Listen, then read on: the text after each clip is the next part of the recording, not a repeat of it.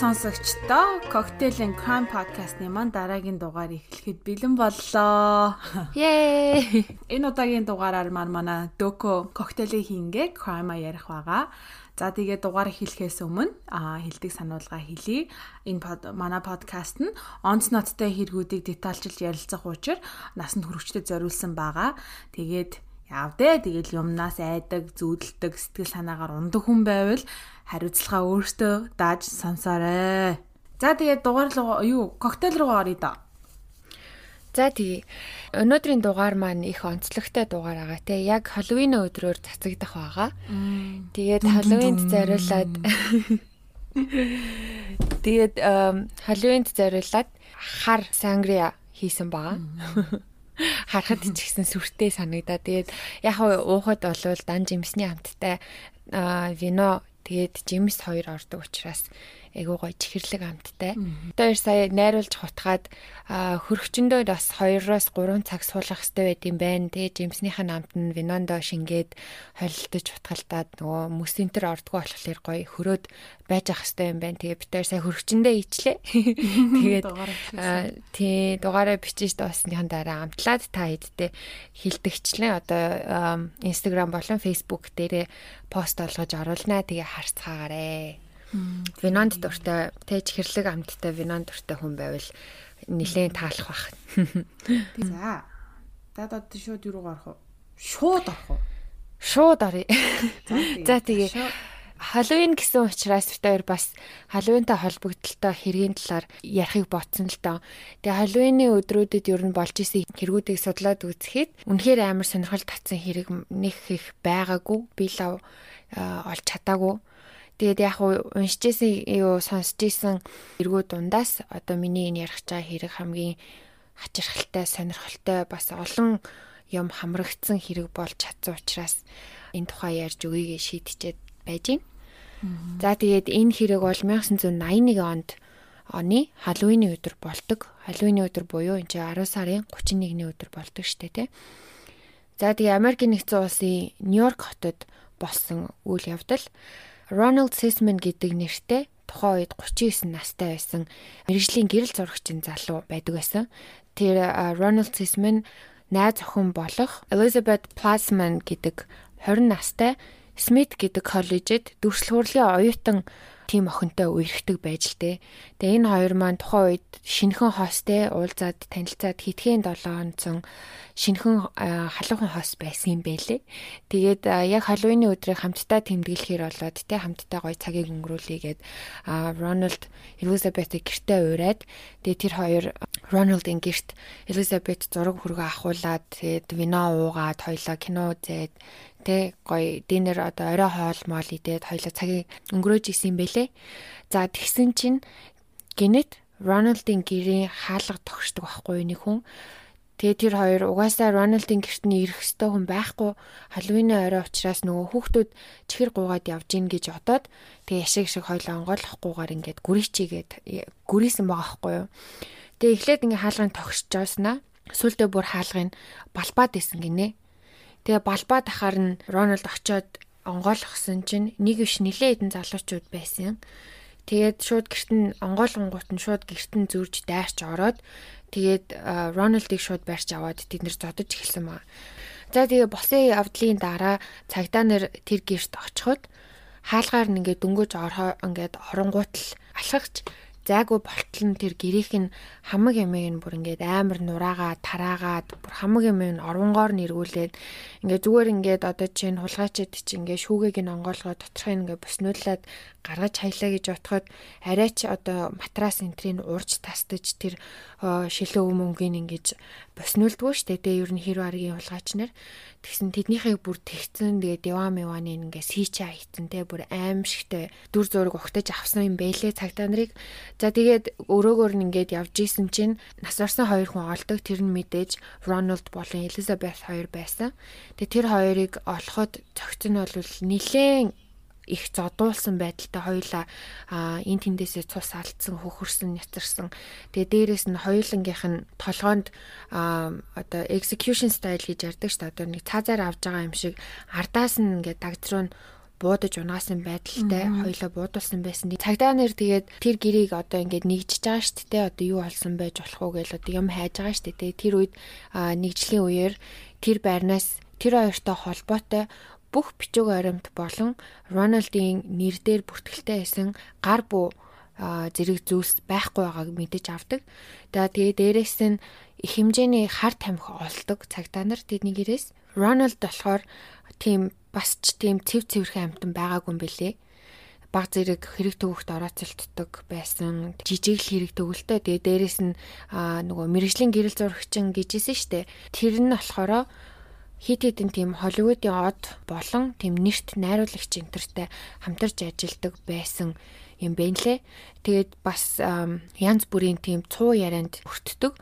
Дээрээс нь одоо хар тамхины хэрэгт сэжиглэгжсэн байлээ тухайн үед Рональд. За анхандаа цагдаа нар болохоор гемт хэрэг болох болсон шалтгааныг хар тамхинаас болсон байж болзошгүй гэж таамаглаж ийсэн. Яагаад тэгэхээр хар тамхины хэрэгт сэжиглэгжсэн гэсэн штэ. Дээрээс нь хэрэг болохоос яг жил гарангийн өмнө буюу 1980 оны 5 сард Melanie Haller гэдэг нэртэй Холливуудын нэг жүжигчин бүсгүй Рональдыг те намайг ингээ хүсээгүй байхад надад хар тамхи шахсан гэдэг үндслээр шүүхэд өгч исэн. Тэгээ тэр тухай ер нь ингээ сонин хэвлэл мэдээллээр гарч исэн тавигдчихсэн учраас яг хүмүүстэй мэдээ харчаад оо энэ залуу хар тамхитай холбоотой юм байна. Энэ залууд хар тамхи байж магадгүй гэж үзээд гэрлүүн дайрж одоо гэрээс нь хулгайлах гэж ч юм уу дээрэмдэх гэж гэрлүү нь ороод тэрэнд амжираад одоо хүн амны хэрэг болсон байж болцшгүй гэж ер нь цагдаа нар анхандаа бодож исэн юм байлээ. За тэгээд яагаад алсан байх вэ? Тэ хин алсан байх вэ гэд ингээд янз янзын талаас нь бодож мөрдөөд одоо шалтгааныг нь хайж авах хооронд хэрэг бүр шал өөрөөр ирээдэг. А юу болсон гэхлээр Нью-Йорк хотод төдийгүй одоо Америкийн нэгдсэн улсад бараг хөдөлгөөнд одоо дэлхийд хүртэлтэй алдартай Rikers Island гэж байдаг бараг хүмүүс мэдэх бах те. Одоо Нью-Йорк хотод ойрхон байдаг. Одоо хорих арал гэх юм уу да тий тэр одоо тэр арал болохоор тэр чигээр одоо шорон тий хорих газар байдаг. Тэгээ ер нь бол хотоос холгүй тэгээ ганцхан урт гүүрээр холбогдсон нэг тийм арал идэм бэлээ.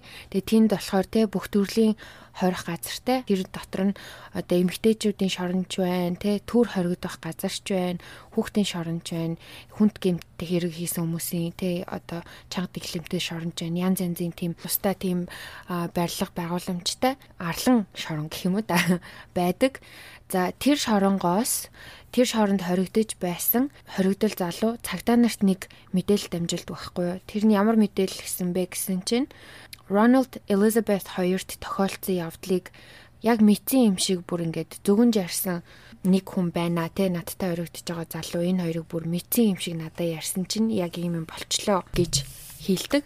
За тэр нь болохоор хэн байсан бэ? Тэр тэр хамт хоригдчихсэн тэр зөвгнөж хэлсэн залуу хэн байсан бэ гэхлээр тухайн үед насаараа хоригдох ял авсан Америкийн нэгдсэн улсад бас л шууган тарж исэн нэгэн цуврал алуурчин байж таарсан.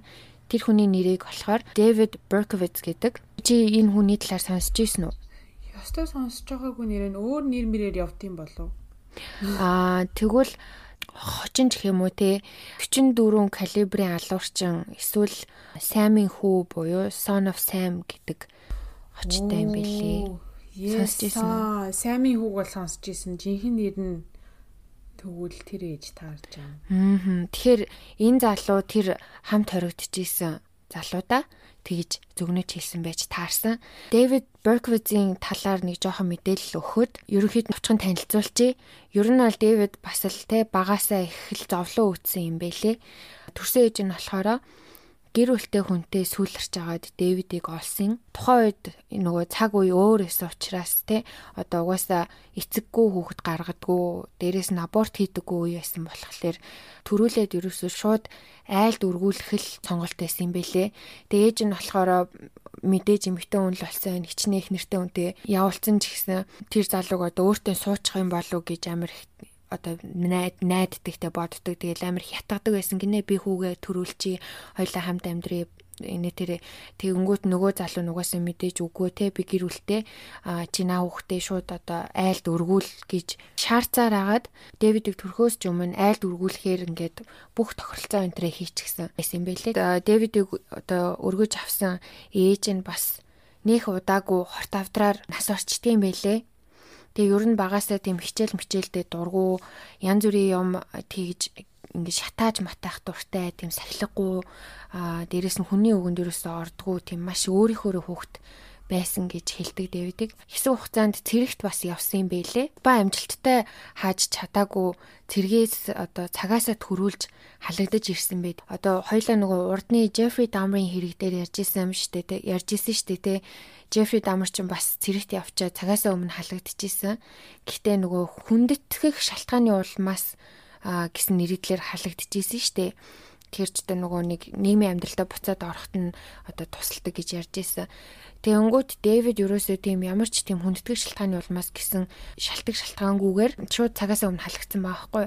Тэгэхээр ер нь бас л өөрөө нилээн болж өгдгүү хүн байсан болоо да гэж надад бодогдсон. Ер нь бол цэргээс халагдаж ирээд удалгүй хүн алж ихэлсэн юм бэлээ. Дэвид болохоор нийтдээ 6 хүний аминд хүрсэн 10 хүн шархтуулсан юм байна.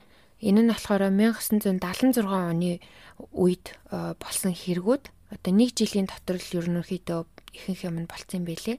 Нью-Йорк хотод бүх хэрэг нь болсон бөгөөд тухайн хотынхон одоо өстө тэр чигээрээ маш их айдтай байсан. Гэр орноосоо ч хүртэл те 50 амгалан ийш тийшээ гарч гудамжаар явахтаа хүртэл юм айдтай болцоосон байсан гинэ.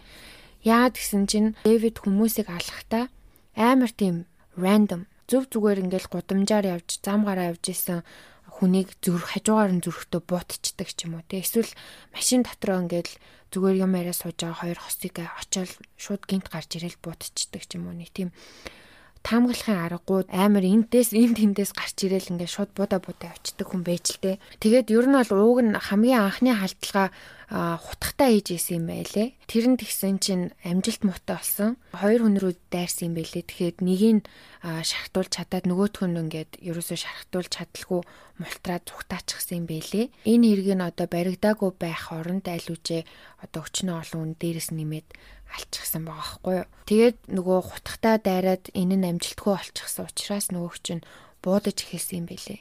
Би тэгээ сая түрүү хэлжсэн шүү дээ нөгөө 44 калибрын алуурчин гэж бас хочилдог гэд.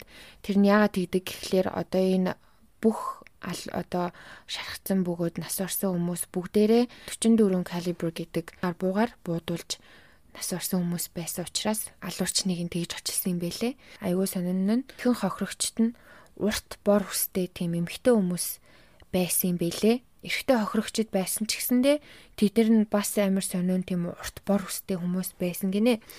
Тэг яг нөгөө 70-80 донд чинь ирчүүдийн үсний засалт ер нь бол нэг урт мурт нэг тийм байсан шүү дээ тий. Тэр тийм өстэй хүмүүс ч олон байсан байх. Дээрээс нь нөгөө нэг сүлд одоо цагдаагийнхан болон албаныхан зүгээр ингээд дүн шинжилгээ хийхдээ багасаа одоо ийм ээжтэй холбоотой юм асуудалтай тий төрсөн ээжтэй хаягдсан ч юм уу. Тэгэл одоо нөгөө ээж нь нас орсон тий эхийн хайраар дутаад өссөн ч юм уу. Ийм ээжийн асуудалтай байсан учраас нэг тийм ээжгээ харагддаг хүмүүст ингээ нэг цаанаа өөрөө мэдгүй ч гэсэн юм өх сонзон санцсан юм шиг те. Тэгээ тийм урт бор өстэй хүмүүсийг ингээд тэр залуучуудаа хүртэл ер нь цаашаа харсан багт нэмэгтэй хүн байна гэж бодоод ингээд хамаагүй буутцсан муутцсан гэж ярдсан бэлээ Тэгтээ өөрөө болохоор ярилцлаган дээрээ хүмүүс намайг тэгээд идэм аа. Тэгтээ надад ерөөсөө ямар ч тийм байхгүй. Энэ бол өстой цэвэр тэ азийн асуудал одоо зүгээр л би гинт гарч ирээл хүсүүнэ боддог байсан гэж аахгүй юу. Тэгэж хийлдэг. За тэгсэн мөртлөөсөө тэ тэр одоо Дэвидтэй ажиллаж исэн одоо тэр сэтгцийн эрүүл мэндийг нь оншилж үзэж исэн тэр эмчнэр энтер нь хүртэл өөрсдийнхөө тэр одоо энэ бол ээждэг олбоотой тэгээд ийм хүмүүсийг заавал сонгож алсан гэдэг одоо байр суурин дээр айгу баттай идэм билээ айгу сонио. Тэгэхээр ер нь альных нь юуг нь мэдэхгүй л юм. Тэгээд 1978 э, онд баривчлагдсан юм байна. Дэвид цагдаа нарт болон сэтгүүлч нарт хид хідэн тийм цагтл явуулж исэн юм бэлээ. Баривчлагдахынхаа өмнө Тэгээ тэрэн дээр болохоор нөгөө хоёлаа саймын хүүхдүүд хүүхэд гэж түрүүн ярьжсэн шүү дээ хочийг нь. Одоо тэр болохоор энэ захин дээр гарч ирдэг байхгүй юу? Аа захин дээр болохоор хин Дэвид өөрийгөө Би бол Son of Sam буюу би бол Sam-ийн хүүхдээ гэж өөрийгөө танилцуулдаг. Тэгээ тэрийгээ бас тайлбарлсан заяа тэр захиан дээрээ. Тэгээ айгу нилээн жоохон урт захиа байлээ. Тэгээ амар алдаа малдаатай бичсэн айгу сонин эвгүй захиа байлээ. Тэгээ яг товчхондоо бол Sam гэдэг нь Дэвидийн хөршийнх нь хөрш айлынх нь нохоо байсан гинэ. Тэгээ тэр нохоо нь болохоор чөтгөрт одоо ингээд эзлэгдсэн нохоо тэр нохоо нь одоо чөтгөрл юм үндсэндээ чөтгөр гэж үздэг. Тэр нохоогоо Father Sam буюу эцэг Sam гэж өөрөө цагтлууд дээрээ дууддсан байлээ. Тэгснээ эцэг Sam бол цус уух дуртай, намайг хүн алахыг шаарддаг тэгжиж одоо би эцэг саймыг одоо цусаар нь хаалалдаг те тэр их амар ууртай заримдаа намайг энтэнд оруулаад түгччдэг энтэр гэсэн утгатай айгу сонин загтлууд энтэр бичдэг байсан. Son of Sam гэдэг нь cult буюу одоо сатаныг шүтдэг тийм шашны буруу урсгалын нэг бүлэг гэж бас хэлж исэн өөрөө. Тэгээд тэр нь үнэн байж болдшгүй. Яа тэгэхээр 10 хүн нөгөө шархтуулсан гэсэн штэ тий. Тэднээс гемт этгээдийн тухай мэдүүлэг авахад бүгдээрээ юм өөр өөр хүмүүс дүрсэлж хэлж исэн гинэ. Тэгээ дээрэс нь одоо хэдийгээр нэг ижилхэн буу хэрэгэлсэн ч гэсэндээ байршлын орон зайны хувьд бодоод үзэхлээр газар зүүн байдлыг бодоод үзэхлээр нэг хүн хийсэн байх боломжгүй ч юм уу нэг тийм хэрэгүүд бас байсан гинэ тэр хэрэгүүд дотор нь. Тэгээд ер нь энэ бүхнийг харгалзаад үзэсний дараа цагдаа нар хаазан байсан хэрэгүүдээ буцаж сөхсөн байдаг. Одоо хэрн энэ Son of Sam нь үнэхээр cult юм уу үгүй юм уу Тэгээ үнэхээр тэр байд юм уу байдгүй юм уу байдаг бол ямар хүмүүс байдаг инээ тэр ямар ямар ч тийм мэдээлэл одоохондоо илрээгүй ч юм уу эсвэл цагдаа нар илрүүлсэн ч гэсэн одоо нөгөө олон нийтэд цацаг байгаа ч юм уу ямар ч зин тухай ямар ч мэдээлэл байхгүй юм байлээ. Дэвид тэгээ баригдахаасаа өмнө болохоор галзуу солиотой хүн шиг те сайн бол одоо чөтгөр шингэсэн нохоо мохоо намааг ингэдэг тэгдэг хүний цус уудаг гэж цагтлууд бичдэг байсан хэрнээ баривчлагдсныхан дараа сэтгэл зүйн шалгалт хийдэг штэ тий шүүх хурал дээр өөрөө орж чадах нь үгүй юу гэдгийг одоо үзхийн тулд тэгсэн чинь тэр шалгалтанда зөв зүгээр хүн шиг ногоон гэрлэр тэнцээд гараад ирсэн юм байлээ. За тийм болохоор эрүүл ухаантай гэж үзний учраас шүүх шүүхээр өөрөө ороод тэгээд одоо энэ нөгөө насаараа хоригдох ял малаа аваад идлээ сууж байгаа юм байна л да. А хэрвээ тгээгүү одоо тэн одоо галзуу солиотой гэсэн бол мэдээж сэтгцэн эмнэлэгт өвтөж байгаа штэ тий шоронд орсныхын дараа болохоор Son of Sam гэдэг нь одоо cult юм аа. Бид нэр ер нь олуулаад хичнээн өмнө нь одоо энэ бол cult гэж нэг хальт хэлжсэн ч гэсэндээ шоронд орсныхын дараа тэр тухайга маш ихээр ярьдаг болсон гинэ. Дээрээс нь одоо нөгөө тэр колттэй байдаг хүмүүсийнхаа нэрсийг цагдаа нарт өгсөн байгаа хгүй ийм ийм ийм хүмүүс манай бүлгэмд байдаг. Тэр хүмүүсийг хаагаад үзэхлээр үнэхээр тийм хүмүүс байдаг. Дэвид эргэн тойронд байсан байх боломжтой ч юм уу нэг тийм хүмүүс байсан байж таарсан. Тэгээ хамгийн сонирхолтой нь Дэвидийг баригдаад шүүх те шорон орон гэд ингээд процесс явагдчих хооронд тэр Дэвидийн хэлсэн одоо нэрнүүд өгсөн хүмүүсийн ихэнх нь зурдын байдлаар нас урцгаасан байсан гинт хүнд өвчнөөр нас урдаг ч юм уу эсвэл машин дайруулдаг ч юм уу те ингээд ер нь бол ихэнх нь ингээд үгүй болцсон байсан гэж аахгүй юу. Чоронд байхдаа Дэвид янз бүрийн тийм нуугдмал мессежтэй ном ч юм уу те нэг тийм сонин ч юм уу тийм юмнууд ингээд цагдаагийнханд шуудангаар явуулдаг байж л те. Тэр нь болохоор одоо дөнгөж сайхан болсон ч юм уу эсвэл одоо болох ч байгаа ч юм уу тийм гемт хэрэгүүдтэй холбоотой сануулад анхааруулга өгöd байгаа ч юм шиг тиймэрхүү мессежтэй юмнууд явуулдаг байсан гинэ. Шоронд байгаа мөртлөөсөө гадаа болж байгаа болсон иргэн талаар бүр тийм ба бэгүү мэдээлэлтэй байдаг байсан. Тэгээ тэр мэдээлэлтэй байдаг байсны нэг нь одоо энэ Ronald and Elizabeth хоёрын хэрэг байсан юм бэлээ. Сагдаа нар энэ хүний үгэнд ер нь бол юусоо итгэцгээдгүй юм бэ. Тэдний ганц одоо гайхсан гайхшруулсан юм нь болохоор Рональдын байрны тэр дотоод бүтцийг Дэвид урд нь бүр ингээ герт нь орж тэ өчнөө олоод очиж исэн хүн шиг бүр маш сайн хаана юу байдаг ямар ямар өрөөтэй ямар ямар байрал байралтай гэдэг маш сайн мэдчихсэн цагдаа нарыг гайхшруулсан. Хамт шоронд хоригдчихсэн залуу нь эхлээд цагдаа нарт мэдээлэл өгсөн дээ, тэ. Тэгээ тэр залууд Дэвид яг юу гэж хэлсэн гэхлээр би нэг колтын гишүүн. Тэгээд Халлоуины өдөр сатан зориулж эхлэхэн шинжтэй адлахыг нэг зурагчин залуугийн гэрт хийн. Тэгээд тэр нь Greenwich гэдэг Арионд байх болно гэж хэлсэн байгаа байхгүй юу. Тэгээ тэр нь бүр яг таарчихсан. Тэгэл одоо хүн л нэрэл алхаж байгаа хүн нь л одоо энэ хүнд хилээг болвол яаж мэдгэвтэй те. Тийш дээ. За тэгээд цагдаа нар Дэвидтэй ярилцсан чинь нэмээд нэг зүйл хэлсэн нь яагаад Рональдыг заавал сонгосон сонгож алсан байх болцшгүй гэдэг шалтгааны нь одоо гарч ирсэн бэлээ. Тэгээ яагаад гэсэн чинь Дэвид хэлэхдээ тэр зурагчин залуу Son of Sam-ийнхны нэг алгыг нь гэрэл зурган дээр буулгаад авцсан тий зургийг авцсан. Тэгээд тухайн үед өөрөө нөгөө нэг жүжигчүү хүүхнээс болоод шүүх цагдаатай ингээд зурлагдсан байжсэн шүү дээ тий. Тэр хэрэгээсээ цэвэр гарахын тулд цагдаа нартай одоо хилцээрийгээд би та нарт ингээд одоо тий ийм үнтэй аллахтай холбоотой үнтэй мэдээлэл өгье намайг одоо сулж тавьж юм уу те тэгчиж магадгүй ингээ солилцоод ялаа хөнгөрүүлчих магадгүй гэж үтсэн дээрээс нь тэгээ сон оф саймихныг ерөнхийд нь ингээд илчилчиж болох байсан Тийм учраас алах ёстой болсон гэж хэлдэг. Тэгээ хамгийн харамсалтай нь өнөөдрийг хүртэл яг тэр гол зорилго байсан хэсгийг нь баталж чадахгүйгээр зогсохгүй Son of Sam гэсэн колт үнэхээр байдаг үгүй ч гэсэн баталж чадахгүй байгаа учраас энэ бүх хэрэг одоо болтол ерөөсөө учир нь олдог байгаа юм билэ. Тэгээ мэдээж одоо миний бодлоор бол цагдаагийнханд маш их мэдээлэл байгаа л ахaltaа сонов саймын тухай те хэрвээ үнэхээр коглтой бол тэр тухай мэдээлэл байгаа байх.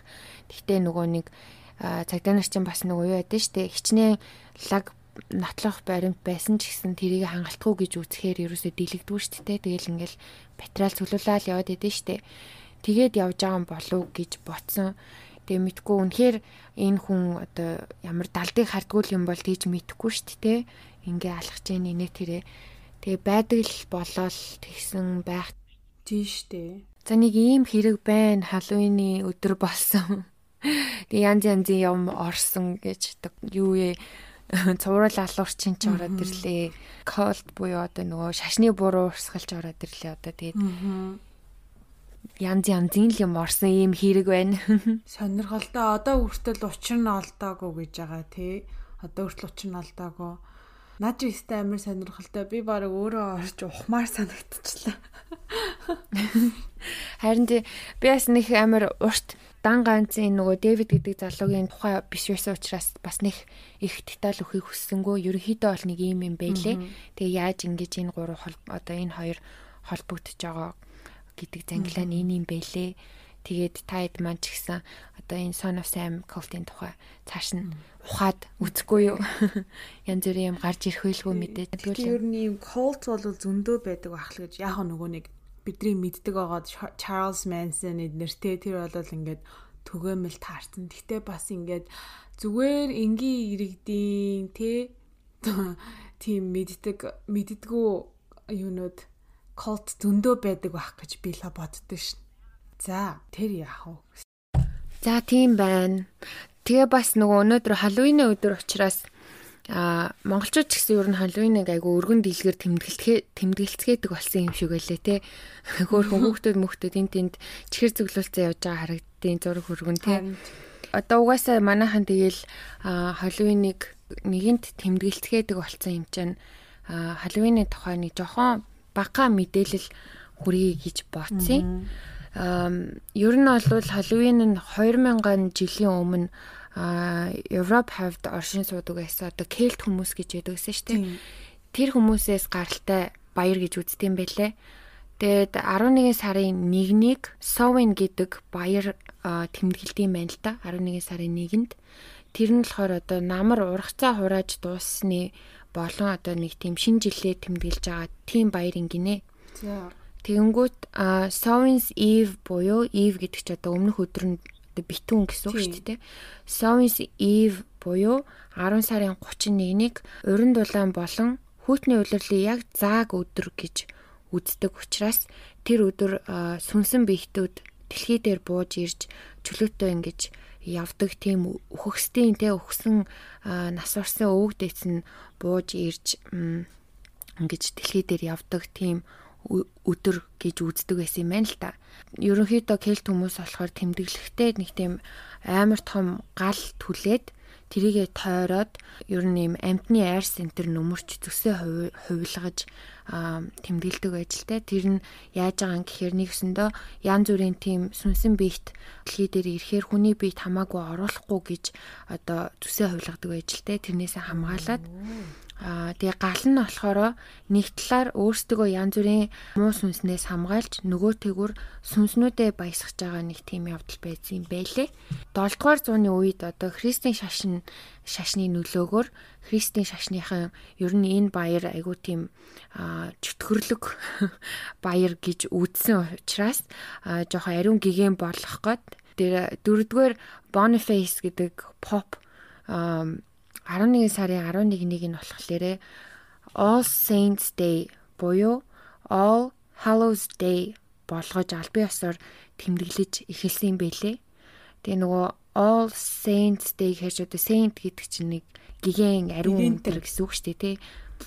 Тий. Тэгэхээр одоо Hallow гэдэг нь бас нэг тийм ариун нандин гигэн нэг тиймэрхүү үг юм байна шүү дээ.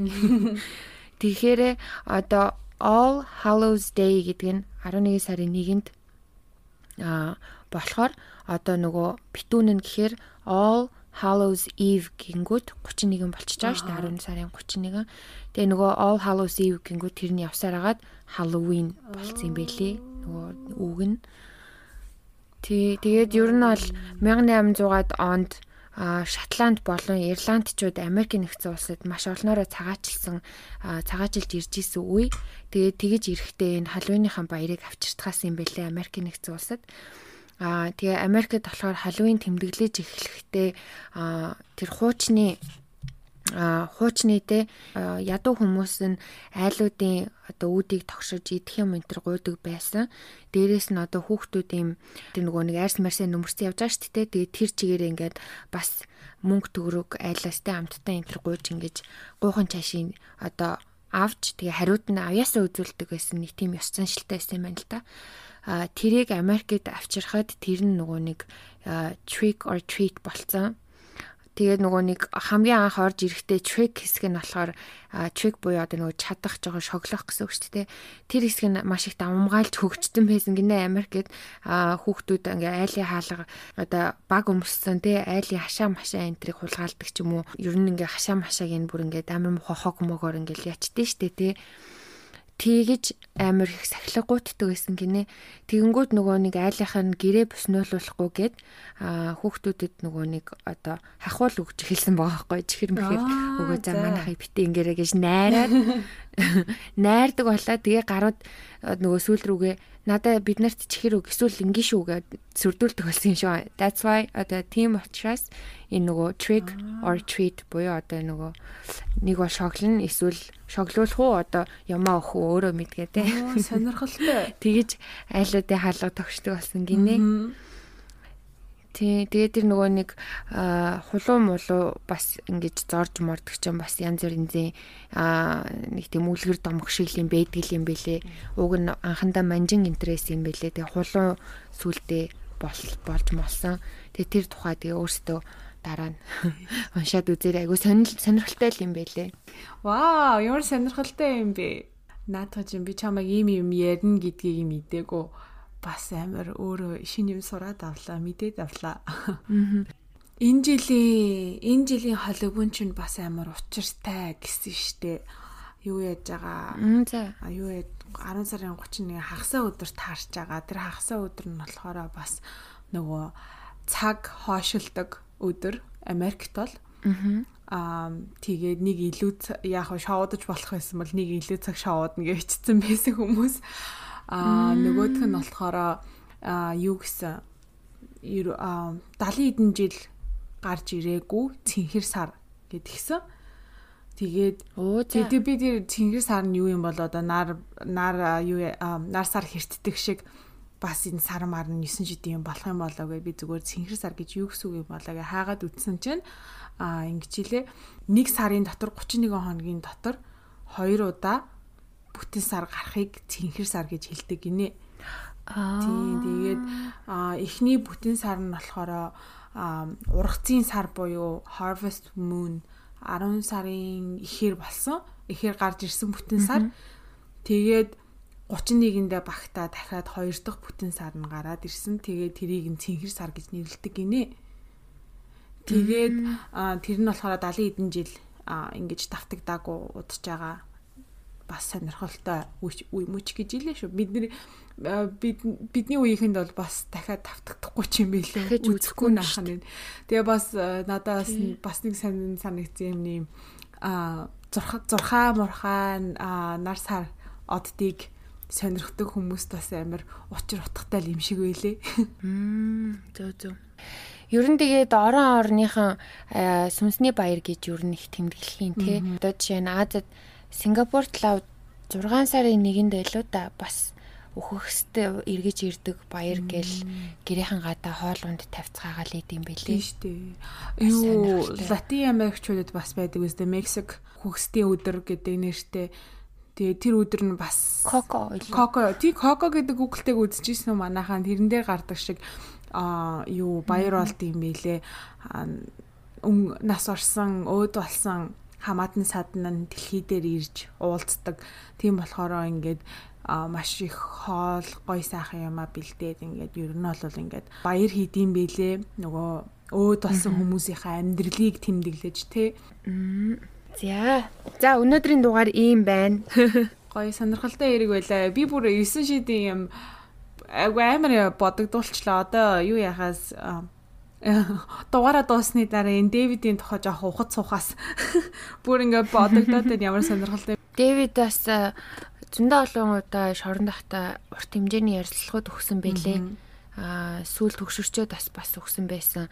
Ер нь бол одоогийн байдлаар нөгөө Христийн шишингууч нөгөө дахиж бурхнаа олон молно гэж яриад идэг штэ тий. Тэгсэн юм шиг байгаа. Тэгээд ер нь бол амар номлогчрахгүй болцсон. Тэгээ хүмүүст айгу одоо тэр шоронгийнхан болохоор айгу үлгэр жишээ мишэл гэдэм бэлээ Дэвидийг. Тэгээд өөрөө хүртэл ярахтаа би одоо тий өнгөрснөө бодхолоор би ингээ бүр хоёр дахь амьдралдаа амьдралж байгаа юм шиг надад санагддаг. Яагаад тэгэхээр би тэр өмнөх залуу байсан тэр хүн алтг байсан Дэвидийг би одоо танихгүй мэнихгүй гэж ярьж байсан. Гэхдээ Аймаг тэр муу юу ч хийж ярьж исэн. Тэр 6 хүн босч ирэхгүй учраас би надад л таалагдахгүй энэ ч шиг. Тэгээ эртгэн тгээс хэрж яахгүй юу гайж исэн гэхгүй. Тийш дээ. Эцээ эцтөө. За за за за тэгээд одоо нөгөө хоёлаа чи асуултанд хариулна. YouTube дээр ямар асуултууд байна болмаа? За YouTube-ийн channel дээр манай YouTube-ийн сувгаас инх мөнх гэж хүнээс ирсэн тийм асуулт байна. Энэ надаа энэ надаа бол амар гоё таалагдсан асуулт байсан. Тэгээд хамгийн их оноо авсанд би амар баярлж байгаа. Хамгийн их лайк авсан тий. Хамгийн их лайк авсан. Тэгээ юу гэж асуусан бэ гэхээр инх мөнх бичгтээ сайн уу хоёроо а өнгөрсөн хугацаанд ярьж байсан 20 гимт хэрэгүүд дотроос та хоёрт хамгийн аимшигтай нь аль хэрэг байсан бэ гэж асуусан байгаа. Тийм. Тэгээ энэ хүний хувьд болохоор өөрөө бичгтээ миний хувьд 24 жилийн турш зойронд хоригдож төрсөн эцэгтэй хүчирхийлүүлж 7 хүүхэд төрүүлсэн Elizabeth Fritzl охины хэрэг үнэхээр сэтгэл өвтгөж сэжиг гоожим хэлэх үгүй болгосон хэрэг байлаа гинэ. Тэгээ бас а мөн өөрсдийн хийж байсан хамгийн дуртай коктейлоо нэрлэнэ үү гэдгийгсэн байсан. Энэ мөнх энэ мөнхөө жоохон давраад байна үгүй юу? Энэ юун дотор чинь гурван асуулт байна штэ. Сайн байна, сайн уу хоёроо гэд асуучлаа. Тий. Сайн уу хоёроо гэд асуучлаа. Хэргийн талаар асуучлаа. Коктейл асуучлаа. Ухаалаг шүү. Шоргож шүү мундаг. За манай дулмаа хариул хариул. А би хариулах уу? За, миний энэ хоёр гимт хэрэгүүдээс хамгийн аимшигтай нь бол энэ Elizabeth Fritzl гэдэг охины хэрэг байсан. Энэ миний ярьсан хэрэг байгаа. Тэгээ би энийг нэг биш нилээ дуудаа сонсоод ингээл уншиж исэн бүр одоо хүртэл бүх юмыг деталийг нь ухаад мэдээллийг ингээ мэдсэн ч гисэндээ ингээд үгүй ерөөсөө ингээд сэтгэлд одоо хүртэл багтдаггүй. Зүгээр л оюун ухам оюун ухаанд минь багтдаггүй, сэтгэл багтдаггүй. Яаж? Тэгээд бас бас дээрэс нь яагаад ингэж намайг бас ингэж эмзэглүүлдэг вэ гэхээр одоо хүртэл тэ төрсөн эцэгтэй ингэж дарлуулдаг хүчирхийлүүлж исэн хэрэг одоо хүртэл болдог. Тэрэнд ингээд амар имзгэлдэг одоо хүртэл болдог. Яг ингээ хамгийн анх хэргийг ингээ сонсоод oh my gosh яна ингээ болцсон зүү зэрэглээ шиг санагдчихсэн ч гэсэндээ ингээд одоо лантун дохоо тий одоо ингээд мэдээгээр гарч байгаа өвөөдөө хүчээр хийлүүлсэн аав төрсөн эцэгтэй хүчээр хийлүүлсэн гих мэд хэргийг сонсоод ингээ болж байгаа болохоор надаа илүү хүнд хэцүү аимшигтай санагддаг. Аа. За, дуртай коктейл нь юу вэ? Амар юм ярьжсэн гинт дуртай юм ботсон ч амар сонин санагдах гэсэн. Миний хийж байсан, өөрсдийн хийж байсан хамгийн дуртай коктейл гэх юм бол а old fashioned bourbon old fashioned би өөрөө нөгөө хаяа хаяада bourbon уу bourbon whiskey уух дуртай болохоор тэр бол миний угаасаа хамгийн дуртай коктейл. Тийм байна. За, докогийн хувьд За коктейл ярьж дууссан юм чи коктейлээр нь эхлүүлчихье. За миний хамгийн дуртай аа өөрийн хийж ийснаас гэвэл за нэгдүгээрт бол нөгөө личи мартини хамгийн анхны дугаар дээр хийжсэн амар гоё юмтай ш. Лежи Мартинед угаасаа маш их дуртай, жимсэндэн ч дуртай, а коктейлэн ч гэсэн их гоё болдог, бас хийхэд амархан. Бас энэтэй барыг эн тэмцэж очих үйц гоё болсон нь би өөрөө хүртэл гайхширсан нь нөгөө эспрессо мартини бас байсан. Тэр бас их гоё яасан. Гоё кофетэй. Хамгийн аимшигтай чамайг эмзэглүүлсэн хэрэг чинь юу байсан бэ? Аа, ер нь бол мэдээж бүх хэрэг эвгүй байсан л да. Бүхэл хэргийн одоо деталь болгоно л одоо одоо хүний санаанд оромгүй юм байсан шүү дээ тий. Үнэхээр хийх ёстой одоо юу гэдүүлээ сонгох ёстой гэвэл аа ватсын гэрүүлийн хэрэг над миний ерөөсөө санаанаас гардаггүй. Тэгээ ядчихэл нөгөө нэг Шанан өөрөө эхнэр нь өөрөө нөгөө сошиал медиа дээр амар тийм идэвхтэй байсан учраас ингээл юм ингээл зүгээр л өөрийнхөө пэйжийг ч юм уу ингээд ухаад юм үзээ явж хахад гинтл гараад ирдэг. Тэгэл хараад би бүр яа пал гэл явчтай амар хэцүү. Хоёр охин нь бүр үнэхээр үрдмөр ганц итгэжсэн нөхөр нь хоёрын хоёр хүүхдийг нь дахиад гурав хүүхэд нь гидсэнд нь бүрлдэжсэн. Яаж ингэж бүр юу ч олоогүй ээжиж гинт ингэж солиорч чаддаг байна гэж бодхоос би бас амар айдаг. Тэгэхээр ер нь хинч хизээч яач чадхаар юм шиг надад санагддаг учраас энээс амар их айдаг. Айсан надад маш их гүн гүнзгий сэтгэл үлдээсэн. Тийм байдیں۔ За тэгвэл Facebook дээр байгаа асуулт юу байна? За Facebook дээр байгаа асуулт нь болохоор а Мөнх зул Алтанбаатар гэдэг сонсогчоос ирсэн байгаа. А бас хоёр асуулт дотор нь оролцчихжээ. Манайхан сэргэлээ. Хаа сэргэлээ байна. А ингэсэн байна нэгдүгээрт ямар мэрэгчлээ вэ? А хоёрдугаарт яагаад нийлж энэ контентыг хийх болсон шалтгааны түүх нь юу вэ гэнэ. Холбоотой бөгөөд холбоогүй гоё асуулт байгаа биддээ. Заавал хариулаарай please гэнэ. За. Тэгээ хамгийн их лайк авсан учраас хоёлаа хариулъя. За одоо чи хариул. За эхний асуулт нь юу гэсэн бэ? Ямар мэрэгчлэлтэй гэсэн? Аа ямар мэрэгчлэлтэй вэ? Аа за мэрэгжлийн хувьд бол за сурч төгссөн мэрэгжил нь бол электронны инженер.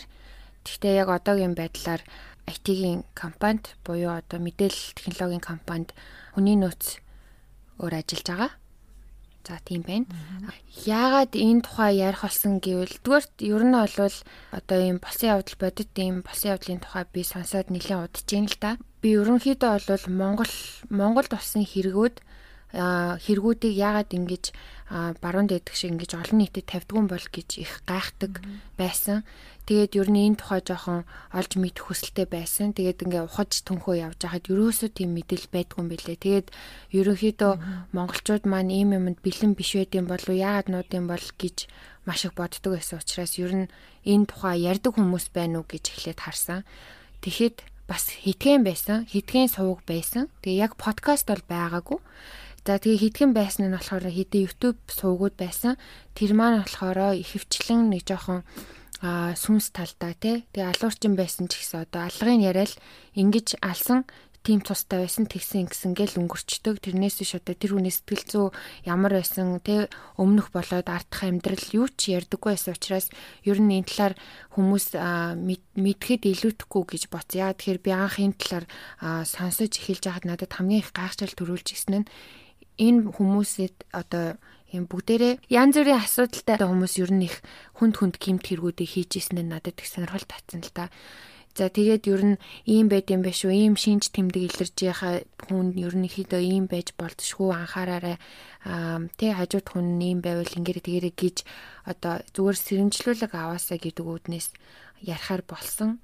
За тэгээд өгшөө одоо ярих болсон шалтгаангийн үл маш их байгаа л да одоо ингээд ярих юм бол угаасаа хоёлаа таг маань хөрөхгүй байх. Тэр нь товчхондоо бол нэг юм байна. Тэгээд дулмаадаа санал тавьсан чинь дулмаа маань бүр хоёр гараа дэлгээд ухтаж авсан байд юм аа. А миний хувьд бас яагаад энэ контентийг хийх болсон шалтгаан нь дөгөгийн шалтгаантай бол бас адилхан. Яг л хоёулынгийнх нь яг ижилхэн бодолтой байсан тий. Ер нь бол ийм болсон гимт хэргийн докюментари амар их үздэг байсан. Америкт ирээл юу үздэг болсон, сонирхдаг болсон. Тэгээ надад хамгийн амар сонирхолтой санагдсан юм нь болохоор яа яг л нэг л асуулт асуудаг гэсэн. Яагаад энэ хэрэг болчих вэ? Тэ яг ямар учраас энэ хүн ийм зан ийм характер гаргаад ийм үйл үйлдчих вэ гэдгийг би маш их ойлгохыг хүсэж ингэж амар ухаж уншдаг байсан. Гэр бүл нь ямар байсан, инээ дэрийг онгод. Тэгэл яг амар хэрэгүүдийг бүх мэдээллийг ухаад түнхэд уншаад үзэхэд нэг бол тэ гэр бүлийн хүчирхийлэл, дарангуулал, архиталт, согтууралт, бэлгийн хүчирхийлэл дандаа нэг юм угаасаа нийгэмд нийцэхгүй гаж юмнууд байдаг байсан. Буруу одоо нийгмийн буруу зүйлүүд те. Тэгээд эренгуут яг зүгээр л Монгол Монголд байдаг юмнууд л харагдсан. Тэгээд явах те үнэхээр ингээд Монголд ийм юмнууд болж байгаагүй ч гэсэндээ даамжирсаар агаад бид нар одоо энэ нийгэмд болоод байгаа энэ муухай зүйлүүдээ таслан зогсоож чадахгүй те чадахгүй болвол ирээдүйд хинч энийг одоо болохгүй хинч амлаж чадахгүй штэ. Тэгээ ялангуяа одоо интернет хөгжчлөө, сошиал медиа хөгжчлөө хүмүүст амар их мэдээлэл очиж гин. Тэрнээс ингээд сэтэл аваад ингэчих юм бэлүү хэн мэдлээ Тийм болохоор бас хүмүүсийг мэдээсээ одоо сэтгэл зүйн байдлыг нь мэдээсээ ар гэрийнх нь ямар хүмүүс яагаад ийм босныг бас учрыг нь мэдчихээс мэдээсээ үнэхээр яг ижилхэн ийм юм амьдралд нь болж ивэл бас тэрийг сэрэмжлээд зогсоо таслан зогсоогоосоо ч юм уу те тийм үдлээсээ бас амар яхийг хийхийг хүссэн. Аа тэгээ бас нэг юм дуртай яагаад бас коктейл гэж сонгосон бэ гэхээрээ архийг буруу хэрэглээд байна гэж би амар би ер нь боддتي манай залуучууд тий ах эгч нар ер нь бол архийг ер нь амар буруу хэрэгэлдэг амар ихээр хэрэгэлдэг. А тэгээ яага коктейл гэхээр коктейлийг бас энэ архийг энэ контентэнд оруулсан бэ гэхээр бас ирээдүйн залуучуудаа тий хойж үедээ бас ингээд арх гэдэг чинь заавал муухай юм биш. Энэ зүгээр ухамсарын асуудал байхгүй юу Аа. Тийштэй залуу хүмүүс угаасаа мэдээж наргин цэнгэн тим үе байна те. Одоо бол нөгөө манай ах эгч нарын үеийн спирт найруулж уудаг үе өнгөрсөн штэ. Тийм учраас аа тэг гой коктейл хийж сургангаа аа гой одоо зөв болсон идэж ууж сурахыг уриалах гэсэн эхний асуултанд нь хариулах уу? Тий. Эхний асуулт нь ямар мэрэгжилтэй вэ гэдэг жийсэн аа миний бас уг нь сурсан сургуулаа төгссөн эзэмшсэн мэрэгжил минь бол зочид буудлын менежмент тэгээд хажуугаар нь бас аялал зуучлалын менежмент байгаа. Тэгээд одоогор бол өөр ажил хийж байгаа. Тэгтээ бол мэрэгжлэрээ ажилласан, мэрэгжлэрээ ажилласан чинь таалагдаагүй харамсалтай байна. За асуулт хариулт нэг иймэрхүү. Тэгээд дараагийнхаа дугаараар асуулт асуумаар байвал одоо яг энэ постны дараа бас бит хоёр нөгөө асуулт асууж болох пост хийх болно. Тэгээд урдны хийсэнчлэн YouTube дээр нэг, Facebook дээр нэгийг. Тэгээд тэгээ асуулт гой ийм гой асуултууд асуусан хоёр сонсогчдоо маш их баярлаа. Саяны амралтын өдрөөр Дулмаа хит хоёр хүн бай гэдэг аянд нэгдсэн. Тэгээ та хэд маань одоо ялангуяа Монголд байгаа залуучууд бодтоор тэр аянд нэгдэж тэ хүн бай гэдэг чинь одоо ерөөхдөө хүчирхийллийг төвчдөггүй хүн бай тэ хүчирхийлэл үйлддэггүй хүн бай хүүхдэд ээлтэй хүн бай гэсэн үндсэн урайнд ор нэгдэж байгаа юм билэ залуучууд. Тэгэхээр Монголд байгаа залуучууд маань бодитоор тэ очоод энэ хөдөлгөөнд нэгдээрээ хоёрын зүгээс урайлмаар байна. Тэгээд э, манайхан ч одоо ингээл иймэрхүү юмд яаж оролцох вэ гэхээр бас одоо яг уу би анх тэгж ойлгодог байсан. Ингээл ямарваа нэгэн зүйлд оролцоороо заавал одоо ханд мөнгө төгрөг гэж боддог байсан тий.